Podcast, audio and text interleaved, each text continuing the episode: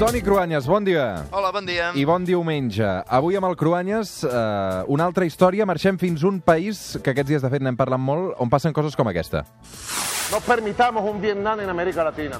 Si los Estados Unidos pretenden intervenirnos, tendrán un Vietnam peor que el que se han podido imaginar. No permitamos violencia.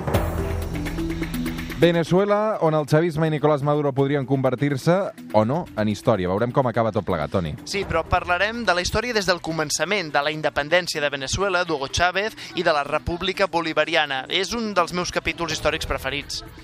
I això, com és que t'agrada tant, això, Cruanyes? Home, perquè hi ha de tot, hi ha lluites, hi ha herois, hi ha revoltes... Mira, a Espanya, les escoles, i de fet fins fa molt poc a les universitats, posaven l'èmfasi en els vincles històrics i culturals d'Espanya amb Amèrica Llatina basant-se només en l'anomenat descobriment d'Amèrica. En canvi, molt poques vegades s'explica com va ser la descolonització, l'alliberament, perquè per Espanya va ser traumàtic. Bolívar bolivariano no es un pensamiento muerto. Avui, Toni, parlem d'un home que va alliberar fins a cinc països diferents. Simón Bolívar, considerat com el pare de Venezuela, Colòmbia, Perú, Equador i Bolívia, l'anomenada Gran Colòmbia. Va ser president d'aquesta gran confederació política i militar. I perquè ens en fem una idea, és el senyor que surt aquell senyor que surt al quadre darrere de, de, de Nicolás Maduro normalment Sí. uh, és aquell senyor, eh? Quins objectius perseguia Simón Bolívar? A veure, la seva primera batalla va ser sobretot l'alliberament respecte a Espanya, i ho va aconseguir. La seva segona fita era la unitat d'Amèrica Llatina, i en això no va aconseguir-ho, no va tenir tanta sort. Però va deixar un gran llegat polític i intel·lectual, a banda de les seves victòries militars, i és encara l'exemple típic de líder nacionalista. El Libertador, que és com el coneixen a tot el món, hi ha estàtues seves a ciutats, a parcs de molts països, i no només de Llatinoamèrica. Les seves idees encara avui és el que es coneix com a bolivarisme. Doncs anem a pams, Toni. Simón Bolívar, descendent de bascos, eh? Sí, però feia almenys set generacions que eren a Venezuela. Eren terratinents, no s'havien barrejat gaire amb els indígenes americans, així que era un home físicament molt europeu, ben plantat, pell blanca, amb el nas punxegut. Per això mantenia el que es considerava aleshores una distinció particular. I venia d'una família que remenava les cireres de la colònia espanyola. Sí, tenien grans extensions de terreny, bestiar, mines i esclaus, però Bolívar estava fascinat pels canvis polítics que s'estaven vivint en el món en aquell tombant de segle, entre el segle XVIII i XIX. El van inspirar les revolucions nord-americana i francesa, però també el parlamentarisme britànic o la revolució industrial.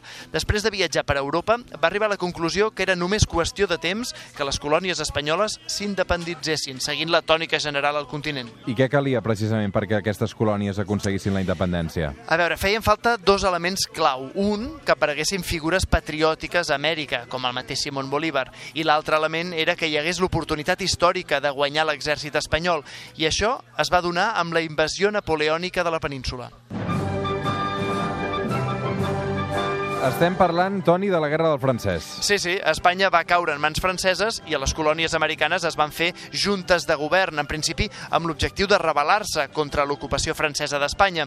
Però aquelles juntes, enmig de l'agitació social que es vivia a grans ciutats, com a Caracas, van acabar servint per desenvolupar el sentiment patriòtic local. I als espanyols els va sortir el tret per la culata. Sí, a més, Bolívar i altres líders locals van trucar a la porta d'altres potències europees, com França i el Regne Unit, per demanar suport davant d'una eventual independència. Van aconseguir això que està tan de moda ara, que és internacionalitzar el procés. Sí, ells sí que ho van aconseguir.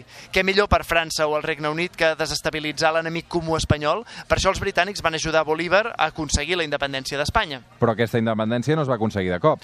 No, no, tot el contrari, es va fer a trossos. Hi va haver una primera declaració d'independència de Venezuela, que va ser el 20 de juliol del 1810, però la primera república venezolana va durar pocs mesos per les disputes entre els diferents sectors dels líders colonials. A més, l'exèrcit estava en mans de tropes lleials al rei d'Espanya. I mentrestant a Espanya tenien altres problemes, estaven envaïts per Napoleó. Sí, a més, feia encara no dues dècades de la independència dels Estats Units, que va inspirar la resta del continent. Però a diferència del que havia passat als Estats Units, a Venezuela i Colòmbia no hi havia unitat d'acció. Bolívar va haver de refugiar-se diverses vegades a Cartagena de Índies, a Jamaica o fins i tot a Haití. I com es van dibuixar les fronteres d'aquests nous països, Toni? En realitat, responien a les fronteres administratives que ja havien imposat els espanyols. Però hi havia una identitat comuna criolla que Bolívar volia potenciar i que, de fet, és la base del seu pensament. Ell creia en la igualtat de tots els criollos. També va lluitar per l'abolició de l'esclavisme. Seria precursor de conceptes de nació modern com un sol poble o la redacció d'una Constitució. Va lluitar en tots els fronts on va creure necessaris per fer fora els espanyols d'Amèrica i per crear uns Estats Units llatins i unificats.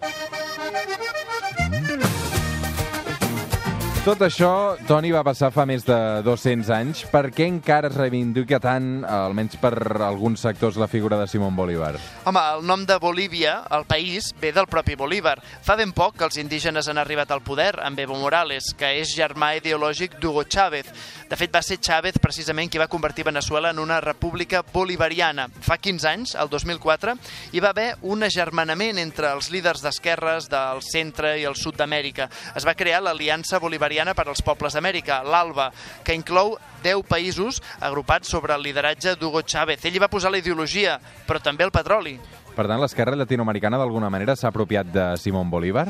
Semblaria que sí, però en el fons el nacionalisme veneçolà, colombià o de Bolívia l'ha fet servir de forma recurrent el nom de Bolívar eh, des de molts espectres ideològics. El bolivarisme es podria resumir en dues idees generals. Una, la lluita. Recordem que ell va participar en 40 batalles, per tant l'esperit de resistència és bàsic en el concepte de l'herència de Bolívar.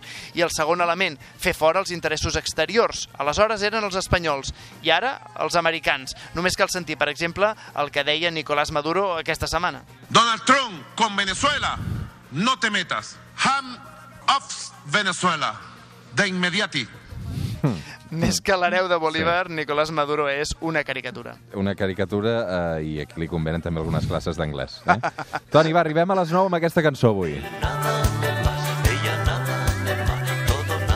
Aquest és Manu Chao i la cançó Tristeza Maleza. Una abraçada, Toni, bon diumenge. Bon diumenge.